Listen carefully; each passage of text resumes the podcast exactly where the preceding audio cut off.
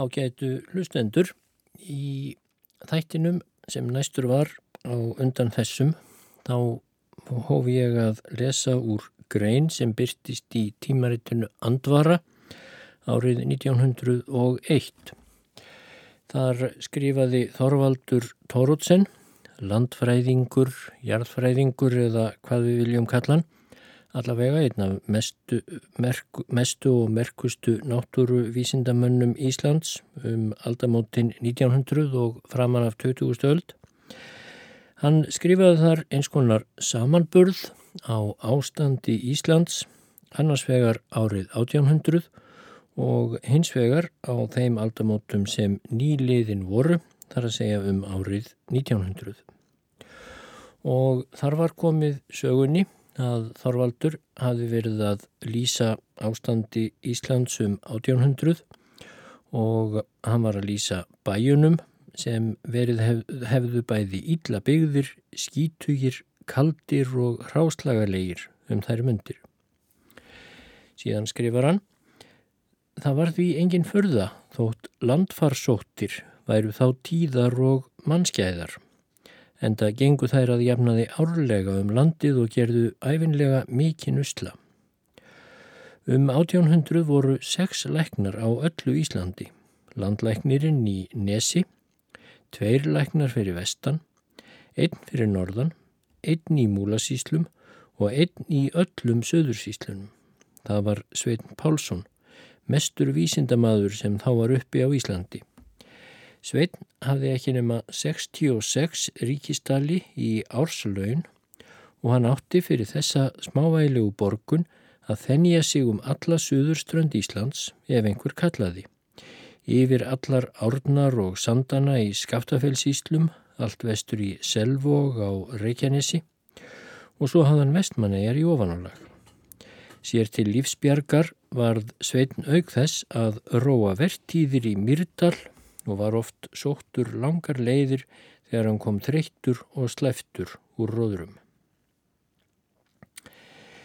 Það var svo smöðvitað úr því læknaskipunin var svona, þá urðu flestir sjúklingar að deyja drotni sínum án þess að læknir næði svo mikið sem líta á þá.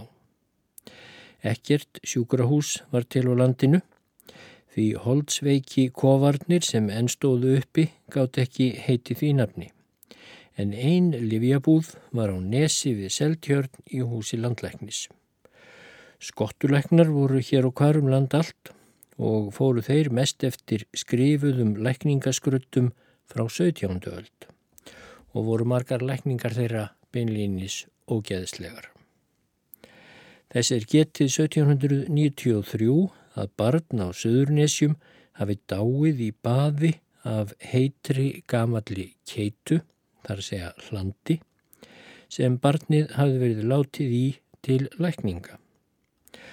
Annars voru slík keituböð algeng á þeim tíma og sumir töldu þau allra meina bót. Mælt er að Sæmundur Prestur Holm hafi að jafnaði badað sig í þessum leigi sér til heilsubótar. Aldrei var skottulæknum hengt hvað sem þeir gerðu. Þó var einn sem Þorleifur hétt árið 1793 dæmdur í undirrétti í tveggja ára betrunarhúsvinnu en lögþingsréttur breytti hegningunni í eins ríkistals útlát til fátækra. Á setni hluta átjándu aldar gerði stjórnin í Danmörku og ýmsir einstakir menn hér á landi mjög miklar tilraunir til framfara í búnaði sem þó, þó mjög lítinn árangur höfðu. Búskaparlægið um aldamótin 1800 var enn hið gamla sem lengi hafði haldist. Ásetningur var slæmur svo, fólk, svo fjö hrundi niður ef hret kom, jarðarækt var engin, túngarðar mjög óvíða og nærri allstaðar kargaþýfi og þó hafi verið gefin út tilskipunum girðingar og þúpnasléttun og heitið verðlaunum fyrir. En fólk virtist ekki hafa rænu á að fara að þeim tilmælum. Kúabú voru þá allvíða meiri en nú en söðfje miklu færra. Stóð var í sumum síslum mjög margt en kom aldrei í hús og fjallu hestar hrönnum saman þegar hart var í ári. Á Suðurlandi voru fjárhús mjög óvíða. Fjennu var á vetrum gefið á gatt og sumstaðar voru hlaðin byrgi og skjólgarðar. Taði og klíningi var brent um allt land en varla nokkru manni dætt í huga að taka upp mónhaus sem þó hefði legið í augum uppi. Gardarækt var þá svolítið farið að útbreyðast frá kaupstöðum um landið en þó voru gardar en þá mjög fáir og smáir. Tófinna og handiðinir kvenna voru þá á herrastígi en nú hins vegar og margar afurður landsins voru notaðar sem menn nú ekki skipta sér af. Rokkar og útlendir vefstólar voru til á stökubæi en nærfödd voru þó enn flest prjónuð og sumstaðar rekkjuvóður einnig. Fiskveiðar á opnum bátum voru oft miklar við Suðurland og Vesturland en þvína er engar á Norður og Austurlandi. Tilskip voru engin til. Fiskimenn við faksaflóa hafað öllum líkindum ekki verið miklir snirtimenn í þá daga en þó mun lýsing englendingsins Hookers þó vera nokkuð ykt. Hann var þó vanalega réttorður og hafði skarpa aðtúunar greint. Hooker kom til Íslands árið 1809 á sama skipi sem Jörgensen, hundadagakonungur, svo nefndur. Þeir sigildu inn faksaflóa hinn 21. júni, þar kom fiskibátur til þeirra og segir Hooker að sér hafi orðið starfsínt á skipferja og þótt gaman að þeim, þóttir væru óþrifalegir og dögnýtlir. Húkar lýsir hinn um íslensku sjómanum svo að þeir hafi verið breyðleitir og blakkir á hörundslitt, flestir voru smávaksnir en þó tveir eða þrýr þryggja áluna langir. Sumir hafðu fremur langt skegg en sumir voru skegg litlir eins og þeir hefðu verið rakaðir með bitlausum nýf eða skærum. Hárið náði nýður á herðar og bak og var ókemt, mikið og flókið og fullt af nýtt, þar að segja lús. Þeir voru á vaðmálsfötum með horntölum, höfðu söðskins eða selskins skó á fótum, belgvettlinga á höndum og barðastóra hatta á höfði. Jörgensen talaði dönsku við sjóminina og gekk æði mikið á fyrir þeim er þeir töluðu. En þegar eitthvað var sagt við þá sem þeim líkaði eða þeim gefið eitthvað, þá letuður í ljós ánægju sína með því fyrst og fremst að aka sér og klóra ákaflega. Það sem þessum auðmingjum var gefið af mat, gliftu þeir með mestu græðki og að því tennur þeirra voru ágetar voru þeir undir eins búinir að bryðja jafnvel harðasta skonrokk. Síðan lýsir húkar nákvæmlega hvernig Íslendingar tæki í nefið og þykir eh, aðferðin mjög skrítin. Svona komu nú íslenskir sjómenn í þá daga útlendingum fyrir sjónir. Og hér líti ég að bæta því við að í því eintaki af andvara frá 1901 sem ég er að lesa upp úr þar sem grein Þorvaldar Tórótsens byrtist. Þar hefur einhver lesandi á fyrir tíð strikað undir hitt og þetta. Oftast eru þær undirstrikanir á nokkura aðtúasemta eða þær eru allavega mjög stuttorðar en í þetta sinn þegar þessi lýsing á sjómönunum hefur verið byrt þá hefur hinn óþekti fyrrum lesandi greinarinnar eh, skrifað stort upprópunamerki út á spásíuna og bætt við með þjósti ekkert að marka lýsingar útlendinga á Íslendingum. Þetta sjónar mið hins óþekta lesanda mun ekki vera með öllu óþekt hvorki fyrr nýja síðar. En Þorvaldur heldur áfram. Á ófríðarárunum í byrjun 19. aldar átti almenningur á Íslandi við svo harðan kost að búa að menn nú valla geta gert sér það í hugalund. Og þó voru þá engin veruleg hallæri sem orður gert á í bókum, þar að segja veðurfarslega. Um árin 1810 til 15 segir Stefán Jónsson á steinstöðum. Viður væri fólks á þeim tímum var næsta ólíkt því sem nú týðkast.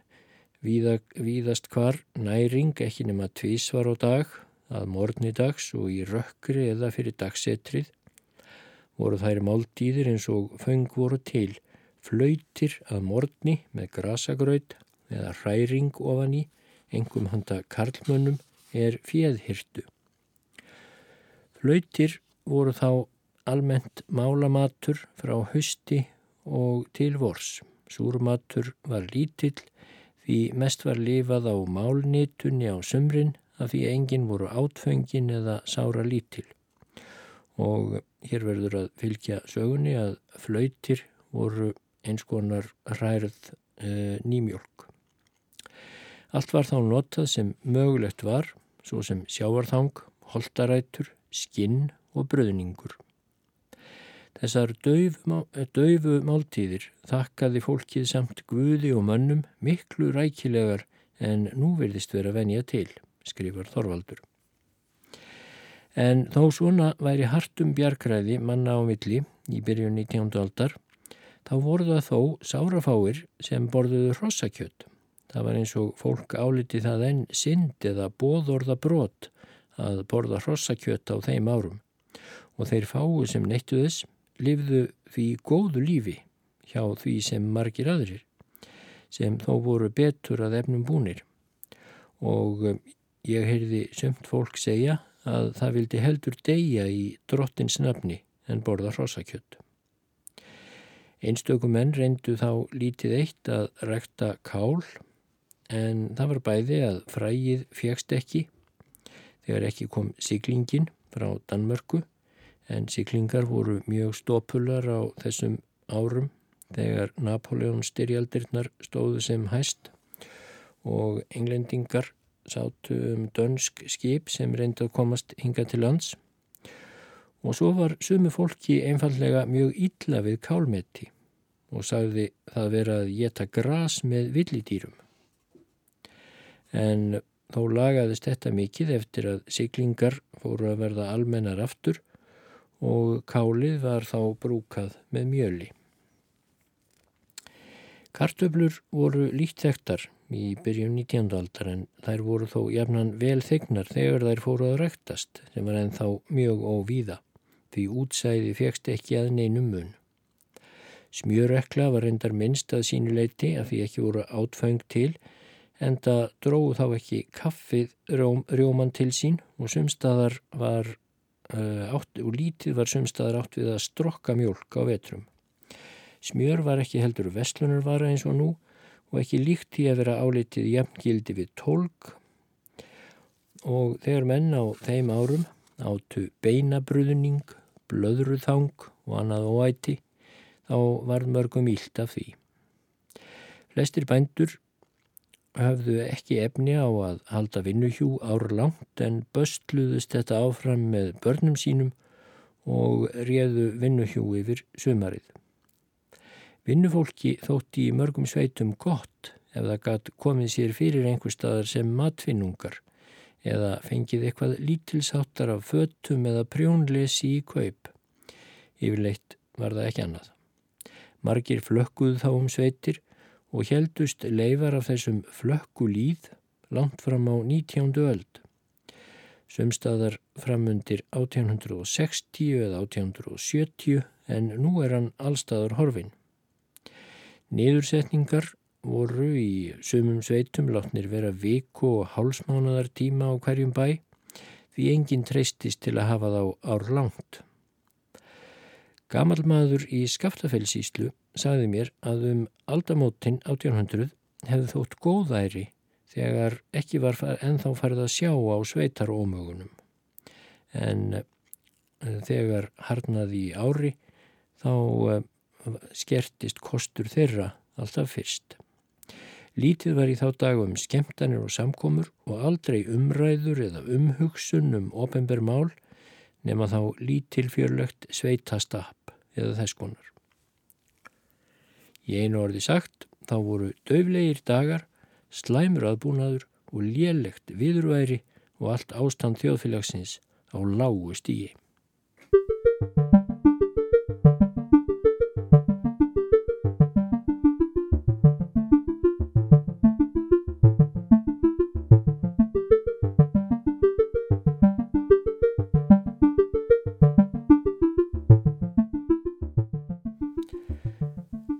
Þorvaldur segir í greinsinni í Andvara að íbúatalan á Íslandi um aldamótin 1800 hafi verið 4.000 eh, verið 47.207 manns árið 1801 en þreymur árum setna hafði íbúum fækkað um rúmt þúsund.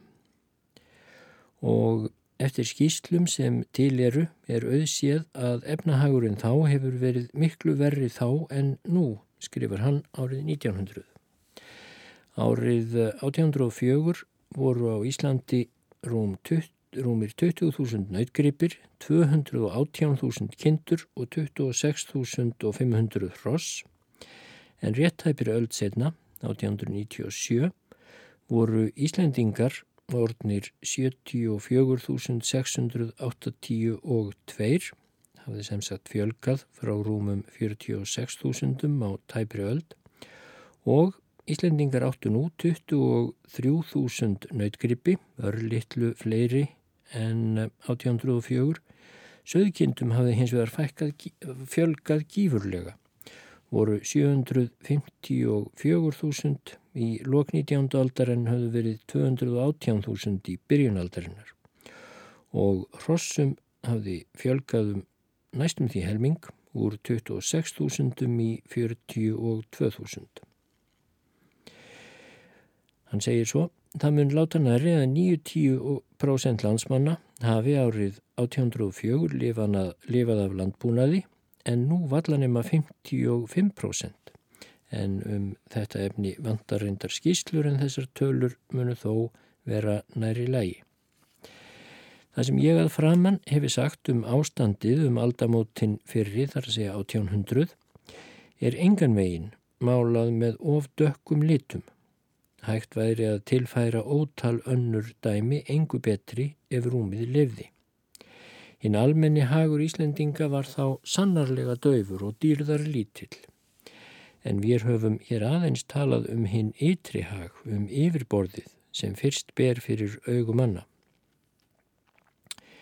En hins verður og að geta, sem er engu þýðingar minna eða öllu heldur þýðingar meira, að hinn andlega atgjörfi þjóðarinnar, sem er grundvöllur allra framfara og alls gildismanna, var engan vegin að þróttum komið eða útsloknuð þótt kringumstæðurnar væru þá erfiðar.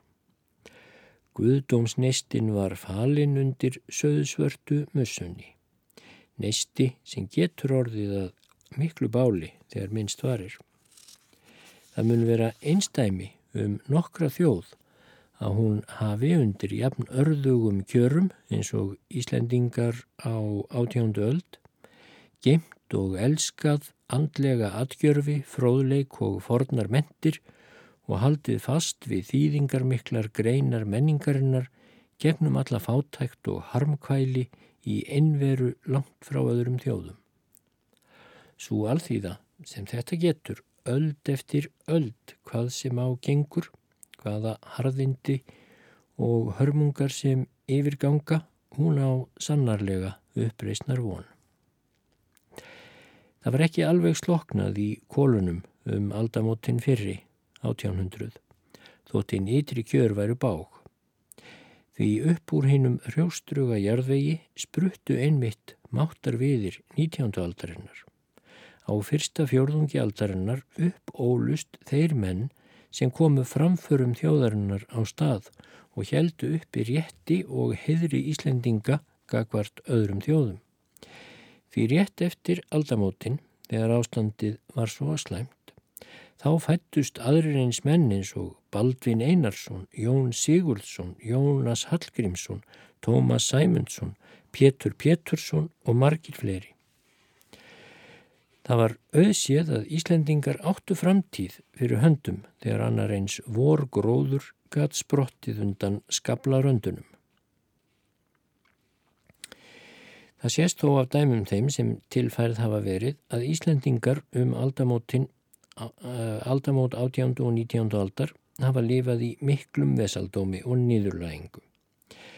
Það er hins vegar allt annað að líta yfir landið um þessi aldamót, 1900. Mikið hefur áunist og horfurnar eru miklu betri en við nokkur aldamót áður. Einstaklingarnir lifa nú flestir í bærilegum kjörum eins og manneskjur. Það er þá þeim sjálfum að kenna ef öðruvísið er. Þjóðfélagið er först heild sem getur unnið eftir mætti að eigin hillum.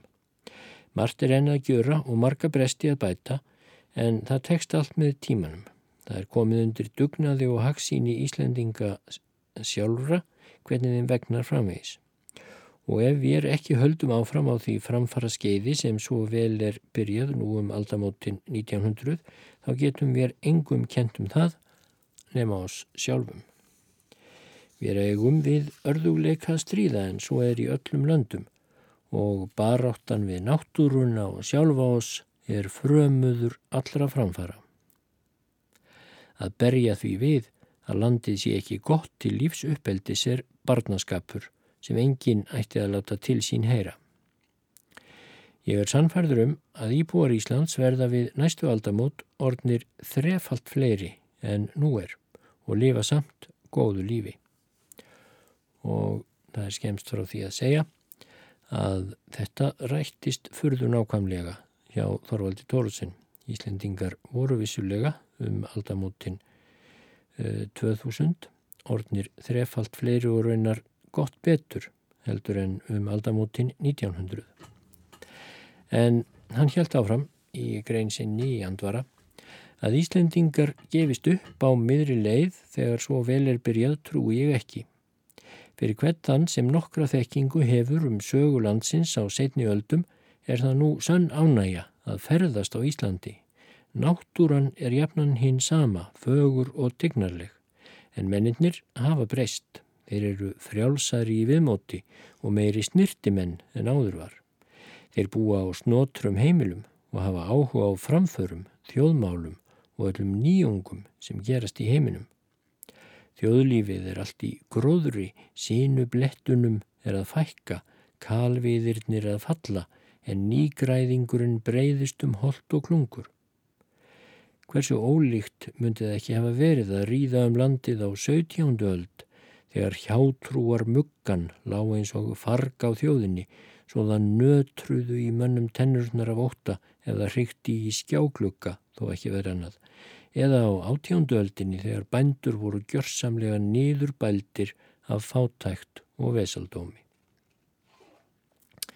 Að það skuli vera til Íslendingar sem hafa séð landið eins og það er nú og finnst þó allt í afturför og þjóðin að þróttum komin, það er mér óskiljanlegt.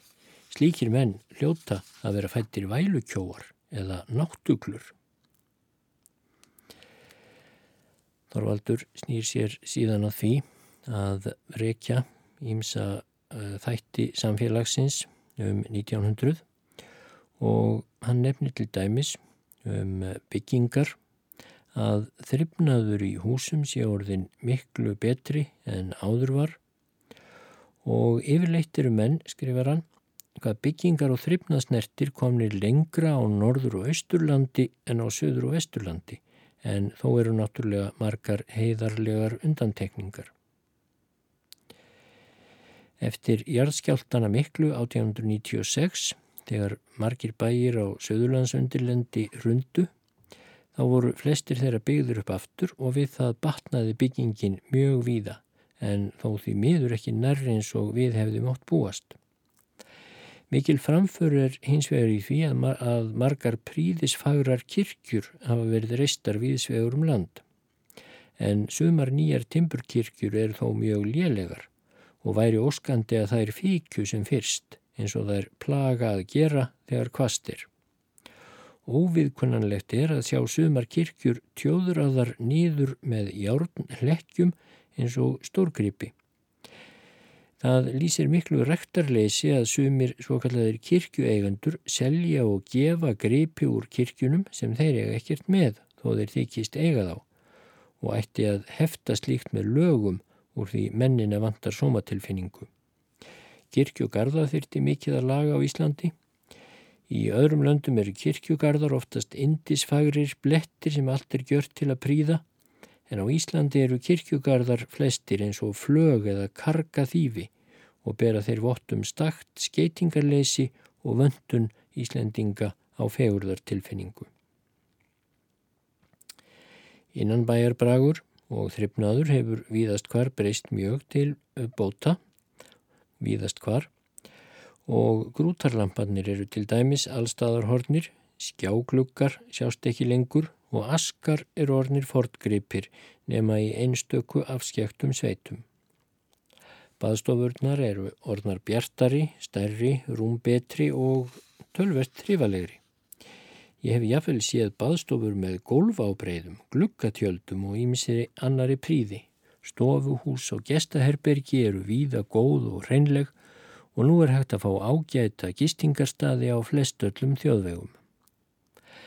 Af því ég hef farið svo víða þar sem almennir ferðamenn eigi koma, þá hef ég náttúrulega gist á mörgum lélegum kornbæjum og séð margt skrítið en það raskar ekki aðalreglunni að góðir og hreinlegir bæir eru nú til í flestöllum sveitum á landinu og í einstöku sveitum má gista nærri á hverjum bæ. Það er mikil munur frá því sem áður var. Oft heyrist á Íslandi að kvennaskólanir séu til óþurftar, menn segja um þá að stúlkunnar læri þar aðeins tildur og prjál. Um það geti ég náttúrulega ekki dæmt hver mikil fótur er fyrir, en víst er að kvennaskólarnir hafa gjört mikið til þess að auka þryfnað á sveitabæjum. Í sumum sveitum eru þeir bæjir auðþektir úr þar sem einhver kvennaskólastúlka er til heimilis. Ímynda ég mér því að margt annað gott fylgi með. Gesturísni Íslendinga hefur lengi verið viðbröðið og að öllu samantöldu má víst segja að Íslendingar séu ein af hinnum allra gesturistnustu þjóðum. Þessi fagra gesturistni kemur fram jamt hjá fátækum sem ríkum við hvern sem í hlut á en ef túristaströymurinn ekst eitthvað að ráði úr þessu þá eru öll líkindi á að gesturistnin mingi í sinni fornu mynd. Gesturistnin er líka oft miskilinn og vanbrúkuð. Það er ekki nema sjálfsagt að menn borgi hæfilega fyrir gistingar en megin þorri manna borgar ekki neitt. Svo sumir bæir og þjóðbreyt eru nokkur skonar ókeipis gistiskálar og furða að nokkurt búskuli standast slíkt. Það elur líka upp ómennsku í ymsu fólki að það telur sér geta leigið upp á bændum þegar því sínist en selt þeim þó rándýrt hvert handar vik sem fólk fæst til að vinna. Það heyrist líka oft að menn álíta málsverð eða mannsfæði, lítils eða einskísvirði og stendur það í nánu sambandi við hérna almennu vanþekkingu Íslendinga á öllu peningagildi. Eitt er það til sveita sem þyrtir lagfæringar. Það er matartilbúningur. Á betri bæjum, pressetrum og allmörgum öðrum efnaheimilum er matargjörðin víðast í ágætulegi en hjá öllum þorra alþýðu er henni mjög ápótavand. Mart eigðist að óþörfu og ágætur matur er skemdur með öfugri aðferð svo hann hefur miklu minna næringargildi en annars. Sveitastúlkurnar þyrtu því margar að taka sér fram í að læra að búa til góðan og nærandi óbreyttan mat af íslenskum efnum. Fólki er nú reyndar líka sumstaðar farið að innleiða ímsan útlendan kaupstaðamat. Hann þykir jafnvel fítni en hinn íslenski matur en er oftast miklu dýrari og næringarminni og auk þess kunna konurnar sjálfnast að búa hann til.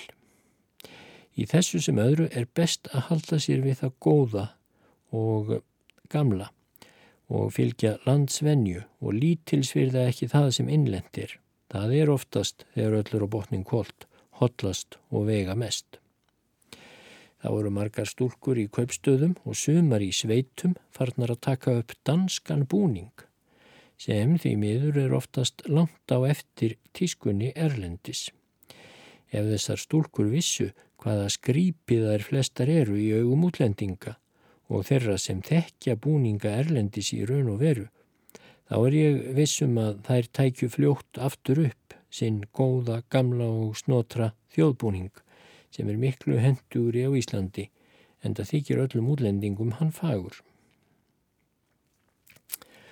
Úr kaupstöðum hefur víða mikil munaðarvöru brúkun og alls konar óþarfi flöst upp í sveitir og menn kaupa dýruverði marga hluti frá útlöndum sem þeir hæglega gætu búið til sjálfur í tómstundum sínum. Í sjávarsveitunum gengur óþarfinn sumstaðar fram úr öllu hófi og hefi ég á ferðum mínum ritað hjá mér mörg enkennileg dæmi þaraðlútandi. Sveitatískan og kröfur vinnufólks leggja nú einnig miklu þingri byrðar á sveitabændur en áður var og við það aukast kaupstæðaskuldir og annar ófagnuður. Eftir efnum og ástæðum Íslendinga eru munaðarvöru kaupin mjög mikil. Hér um byl eins mikil og hjá dönum sem þó eru markvallt ríkari eina hinnum efnuðustu þjóðum í heimi að tiltölu. Árið 1897 keftu Íslendingar munaðarvörur fyrir uh, 1991.000 krónur en allur afrakstur af landbúnaði sem í vestlun kom var 1693.000 krónur, rökk sem sé ekki nærri fyrir munaðarvörunum einum. Þetta þætti ekki beysið búskaparlag hjá einstökum manni. Ég er alveg vissum að Íslendingar lifðu jafn góðu lífi þótt þeir dræju af sér svo sem fjórðapart og ekki veri meira af þessum tveimur miljónum tæpum sem í munaðar voru ganga. En hvað mætti ekki slétta mörg tún og bæta hag landsins og velíðan manna á annan hátt með þeirri hálfu miljón. Og þar skapast árlega höfustól sem gefi vexti fyrir aldna og óborna. Þetta lítur nú samt alltaf lagast með tímanum með vaksandi menningu og þroska. Landbúnaði hefur eins og sérst á búnaðarskýslum farið allmikið fram en bændur eiga sem kunnugt er við marga örðuleika stríða. Fjármarkaðurinn er nú miklu verri enn fyrir nokkrum árum og vinnufólk er fátt og kaup dýrt. Þó hef ég heyrt bændur kvarta mest undan því hver kröfur manna til lífsins hafi aukist svo þær fáist ekki, fáist ekki staðist. Af þessu leiðir að mjög örðugt er að búa á stórum jörðum sem eru vinnufólks frekar en hagsýnir menn á smákótum búa oft best þeir sem geta komist af með eigin vinnukraft og barna sinna. Alveg sömu kvartanir heyrast nú í Danmörku og öllum löndum. Vinnufólkið streymir í stórbæina, finnst kaupið þar vera herra en gáur ekki að því hver lífið þar er miklu dýrara og vinnufólkið ímyndar sér að í bæjunum sé meira frjálsræði, meiri glaumur og gleði en lendir svo þúsundum saman í sulti og seiru, sekkur og hverfur í sora mannlífsins. Hitt sem eftir er lætur sér ekki segjast en á að stríða við sífældar löngun í bæjarglaumin og ferðangaðins fljótt og það getur aftur. Þessi tilneying er einnig algeng eða var á afturfara tíma Rómaveldis, svo heil héruð urðu þá auðnir og telja því margir vitrir menn þennan fólks ströym til bæjana hér á landi vera tímans tákn og afturfarar merki. Ég læt alveg ósagt hvort svo er, en víst er um það að stórbæjirinnir erlendis spilla landbúnaðinum. Þótt uh, þar sé á hinbógin séu á hinn bógin góðir markaðir fyrir afurður landsins. Á svipaðan háttmun ströymurinn til sjóþorpana á Íslandi og til Vesturheims gjöra bændum mikinn skada. En þó nú framfarir í jarðarækt séu allmiklar á setni árum, þá er ekki því að leina að við erum í því efni stöndum mjög að baki öðrum þjóðum og óvíða mun jafn lítið vera unnið að jörðinni. En eh, þótt ímislegt bjáti á í landbúnaðinum þyrtu erfileikarnir sem þar er við að glíma ekki vera nærreins miklir ef innanlandsverslunin væri í góðu lægi. þá geti hver atvinnuvegurinn stutt annan og landbúnaðurinn verið vátrygging fyrir fiskveðarnar sem nú færast mjög í aukana.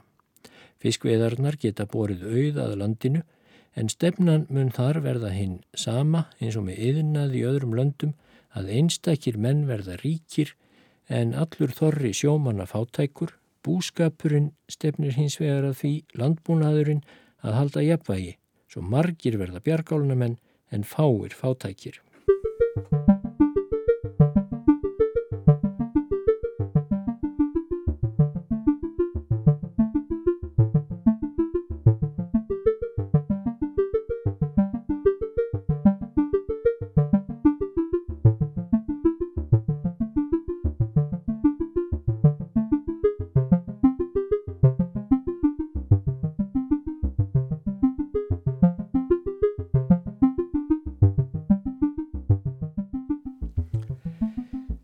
Næst víkur Þorvaldur Tórótsen í andvara grein sinni að mentun og menningu þjóðarsinnar um 1900. Hann skrifar Á hinnum seinasta fjórðungi 19. aldar hefur verið prentað miklu meira af bókum og blöðum en nokkun tíma áður. Hefur sumt verið gott en sumt líka létt á bárunni.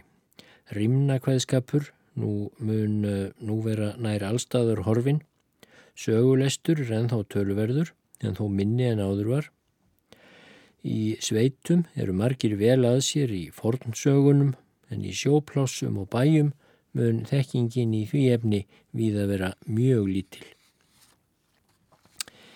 Hinn mikli bladagrúi sem upphefur sprottið á setni árum hefur bæði gert gagn og ógagn. Með gagninu tel ég það að blöðin hafa flutt miklu meiri fréttir, líka tíðari og ítarlegri en áður og margar fræðandi, leðbeinandi og kvetjandi greinar hafa vissulega verið byrtar. En á móti hafa blöðin líka flutt margt óþart léttmeti. Þar að ekki persónlegar og smásmuglegar íldeilur hafa vaðið uppi á síðum þeirra og ímiskonar þvættingur og svo hafa blöðin til muna spilt fyrir bókakaupum. Þetta mun nú eins vera í öllum löndum og vallað búast við að verförum var hluta af bæði kostum og ókostum bladamennskunar. Í fyrir daga trúðum en öllu sem kom á prenti í blöðunum en nú er reynslan búin að sína að manneskjurnar eru ekki eins góðar og þær ættu að vera og þar af leiðir að menn bera nú miklu minni virðingu fyrir blöðunum og hef ég oft til sveita heyrt mjög mísjaflega talað um blöðin. Drátt fyrir ímsa galla á bladamennsku vorri verðum við þó yfirleitt að telja blöð nútímans allmikla framför frá því sem áður var en þó hefur hinnum ytra frágangi í Reykjavíkur blöðunum mjög færið aftur á setni árum. Íslenska alþýðu vantar fyrst og fremst mjög góðar alþýðubækur og ætti þing og stjórn að sjá um að úr því bættist. Það þyrti ekki að kosta mjög mikið. Námfús alþýðumadur getur nú sem stendur ekki fengið neina fræðslu að mun til dæmis um náttúru þessa lands sem hann lifir í. Nú eða um sögulandsins á ýmsum tímum Hann á mjög örðugt með að afla sér þekkingar á bókmentum vorum að fornu og nýju og hafa þær þó á öllum öldum mörg gullkorn inni að halda. En allt, ef allt þetta væri lagt fyrir íslenska alþýðu í laglegum búningi myndi það stann, sannarlega styrkja þjóðernistilfinninguna og vekja hlýjan hug til landsins og þjóðfélagsins. Það er almennur miskilningur að almenn mentun sé innifælin í því að allir verði jafn mentaðir.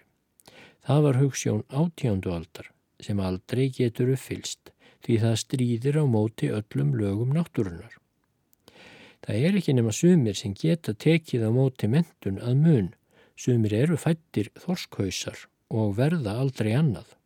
En þeir geta samt sumir hverjir verið góður og gaglegir fyrir mannfélagið eins fyrir það að vera þorskhausar. en það er skilda þjóðfélagsins að sjá um að þeir sem hæfileikana hafa eigi kost á því að notfæra sér þá sér og landinu til gagns en það er aðeins hægt með hæfilegum bókum og mentastofnunum fyrir rétt fólk. Alltíðu skólamál vor eru enn stutt á vegu komin af því að þingi og þjóð er enn ekki fullkomlega farin að skiljast hinn mikla þýðing þeirra. Á þessi mál vantar enn fasta skipun af hálfu lögjafarvaldsins. Einstakir menn hafa þegar miklu til leiðar komið þrátt fyrir rótgróna hleypidóma og eiga þeir miklar þakkir skildar.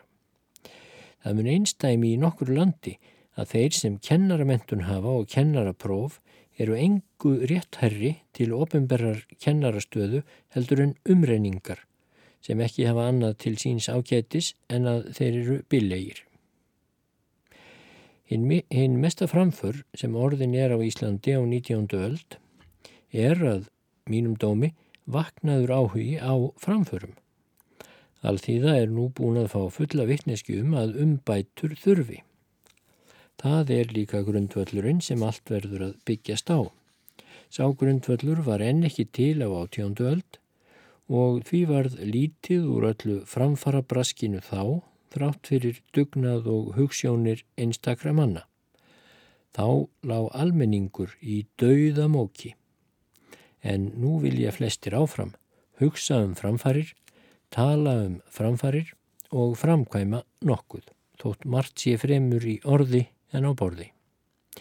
Mönnum hættir við að vera mjög stórhuga og láta hugssjónirna ráða miklu en að því að máttin vantar til stórræða þá dettur framkvæmdin stundum niður þegar minnst varir. Svo er auk þess ímislegt hjá oss, eins og hjá öðrum þjóðum, er oft spillir framförunum, sérstaklega ósamlindi og öfundsíki. Þegar einhver ætlar að byrja eitthvað nýtt, þá heyrast oft getsakir og dilgjur um frumkvöðul fyrirtækisins, að hann muni nú ætla sér að hafa hag af því, sé að brjóta upp á þessu af því hann ætli að reyta sér eitthvað og svo framvegis. Erfiðið og fyrirhöfnina má frumkvöðlinn gerðnan hafa en ómögulega neittn haga því. Það er mjög óveikunnulegt að sjá í blöðunum hver oft menn gjöra hver öðrum getsakir og bregða hver öðrum um yllar kvatir þótt ekki sé minsta ástæðu til þess. Þetta drepur margar góðar framkvæmdir í fæðingunni því það er ekki allir sem hafa þann hákarls skráp sem þólir allt, allt nart og ílmæli. Það sést á sögu Íslands á öllum öldum að ósamlindið hefur verið mikið böl fyrir land og líð. Það hefur oft beinlýnis haldið þjóðinni niðri þegar tiltök voru fyrir hana að reysa sig við. Einrænir eru þér Íslendingar og ósið blandnir, var sagt um oss í fornöld og einmir ekki lítið eftir að þessu enn. Allmargir Íslendingar eru styrðir nokkuð og eiga ílt með að haga sér eftir kringumstæðum en slíkum mönnum fækkar þó að minnstakosti síðan samgöngurnar urðu örari. Félagslífið er nú alltaf verða fjörúra. Alþýða hefur oft samkomur og hátíðahöld ferðast mikið með strandbátunum og sér önnur héruð en allt þetta lítur að vika sjóndeildarhingin og gjöra lífið gladara og skemmtilegra. Hér gamla íslenska ósamlindi gemur ennþá best fram í blöðunum. Þar rýfast menn um allt mögulegt og oft um þá hluti sem engu blaði utanlands ditti í huga að gjöra kapsmáli en það þykir útlendingum sem skilja íslensku bladadeilur vorar æði glæfralegar. Það er sama um hvað er talað, stafsetningu, þúpnamyndun eða annað, þótt umræðurnar byrji hóflega þá enda þeir alltaf með ástæðulöysum fúkyrðum og stór skömmum. Ókurteysi svo sem menn jafnaðarlega sína er í sjálfu sér ekkert annað en andlegur óþryfnaður. En það er vonin ástkæru landar að með vaksandi heimilistryfnaði þá aukist einnig heið andlega hreinlæti.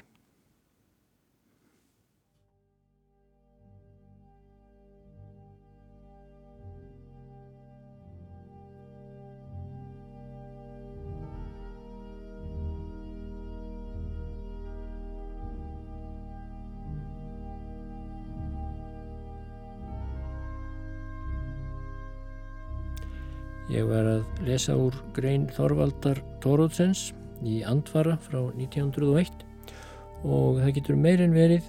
Ég segi nánar frá Þorvaldi og uh, í öðrum þætti síðar og glöki ég að vel aftur í þessa greinans því hún er ekki búinn.